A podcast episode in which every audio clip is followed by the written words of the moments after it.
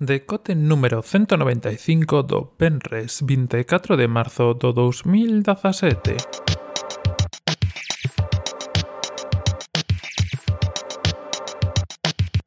Bos días e benvidos a este novo decote Nesta edición número 195 debo insistir e lembrarvos que agarto os vosos audios e comentarios e mails para dentro exactamente de unha semana. Non me fagades facer o programa 200 eus oiño porque senón haberá repercusións. Non sei de que tipo, nin se boas ou malas, pero repercusións.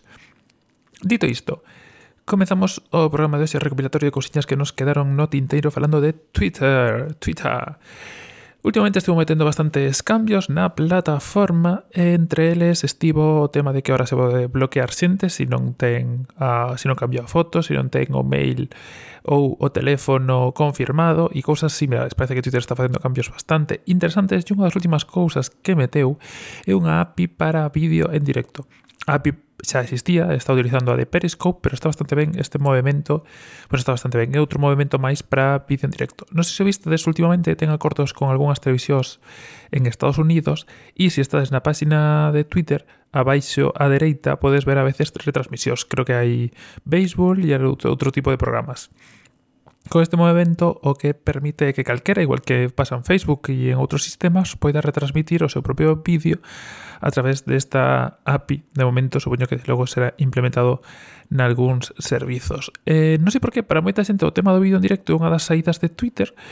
Non o teño claro, non lle o tanto futuro a, tit, a Twitter, pero bueno, está por ver e aí queda. Eh, quizás de repente empezamos a ver máis vídeo en directo, que tampouco creo que Periscope tivese demasiado vídeo en directo, creo que Facebook o vídeo que estaba tendo en directo está decaendo bastante porque, como sabedes, Facebook digamos que incentivaba eh, eso de facer vídeo en directo e ahora que deixou de incentivarlo pois parece que vai decaendo un pouco. Pero bueno, eh, aí está, quizá lle sai ben a Twitter, non o sei. Máis cousas. Apple eh, saía onte a nova de que adquiría mercaba Workflow, eh, unha ferramenta de automatización para iPad e iPhone. Non sei se coñeces Workflow, eh, como o propio título dice, sirve para automatizar, está bastante ben, é como unha pequena ferramenta para facer scripts que digamos que te permite facer múltiples accións con un solo eh, clic, vamos a decirlo así, con un solo tap na versión para móviles. O que fai basicamente que podes eh, indicarlle varios procesos, por exemplo, eh, publicar automáticamente en Twitter a última a foto do día da NASA, que é unha das que sai recomendadas. entonces tú daslle, fas, fas tap sobre esa función, automáticamente búscache, automáticamente colla a imaxe, automáticamente a, transforma no Twitter e dixe se queres publicar ou non e publicola simplemente dando yo tap e a publicar. Ten moitas recetas que, como lles chaman, eh, automáticamente postas e está bastante ben. Ademais, ten cousas eh, automáticas, como que, por exemplo, cada receta pode... Eh, poñerse na pantalla de inicio. É dicir, eh, tú fas unha receta, pois para eso, para publicar a foto do día da NASA, eh, e podes metela na pantalla de inicio. Daslle a poñer na pantalla de inicio, abres este como unha versión local no navegador e cartas esa versión e tes aí o iconiño na pantalla de inicio. Podes facer de todo. Hai xente que verdadeiramente fai maravillas con isto, porque como os digo, como script que permite de todo. Hai webs que, per que permiten indexalo, entonces sirve para coller casi de todo, funciona con aplicacións e bueno, está, está bastante ben, está bastante chula. Eh, hai tamén automatizadores para, para Mac como Alfred e similares, pero bueno, digamos que en iOS era algo que se botaba máis de menos, que se bota de menos eh, e que está ben que Apple se meta desto de cheo, porque vai permitir eh, automatizar e facer cousas bastante chulas, sobre todo si integra Siri e outras cousas que ata agora estaban pechadas, porque sabedes Siri que a de agora estaba solo para, para que Apple fixera as súas cousas e con esta con este sistema de automatización pues pode ser que podamos facer decirlle a Siri un comando ou unha cousa e que automáticamente pues, empecen a traballar todas estas cousas por detrás e saian. Deixo vos, como sempre, o artigo de TechCrunch, que era o primeiro en sair con esta noticia na descripción en podcast.alque.net. Falando de melloras, eh, Google Maps introduciu unha nova mellora para compartir os viaxes e a, en tempo real. Sí, é dicir, a idea non é tanto decir que chegas tarde como compartir o estado da túa viaxe en tempo real.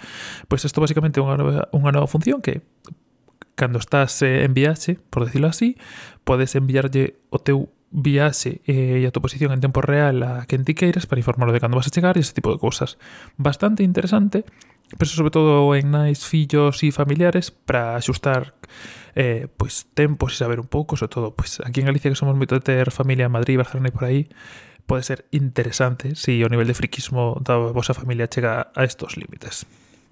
Falando de friquismos e de carreiras, saía oficialmente Super Mario Run para Android. Non se fixo moito de esperar esta semana. Dixos, non hai moito que falar sobre isto, dixo vos o enlace directamente a eh, Android Play para que o descarguedes. Xa sabedes que é eh, descarga gratuita, uns niveles gratuitos e logo aparte de aí é de pago. Dadelle un, un tiento eh, probade a ver a que sabe e decísme xa se vos mola ou non.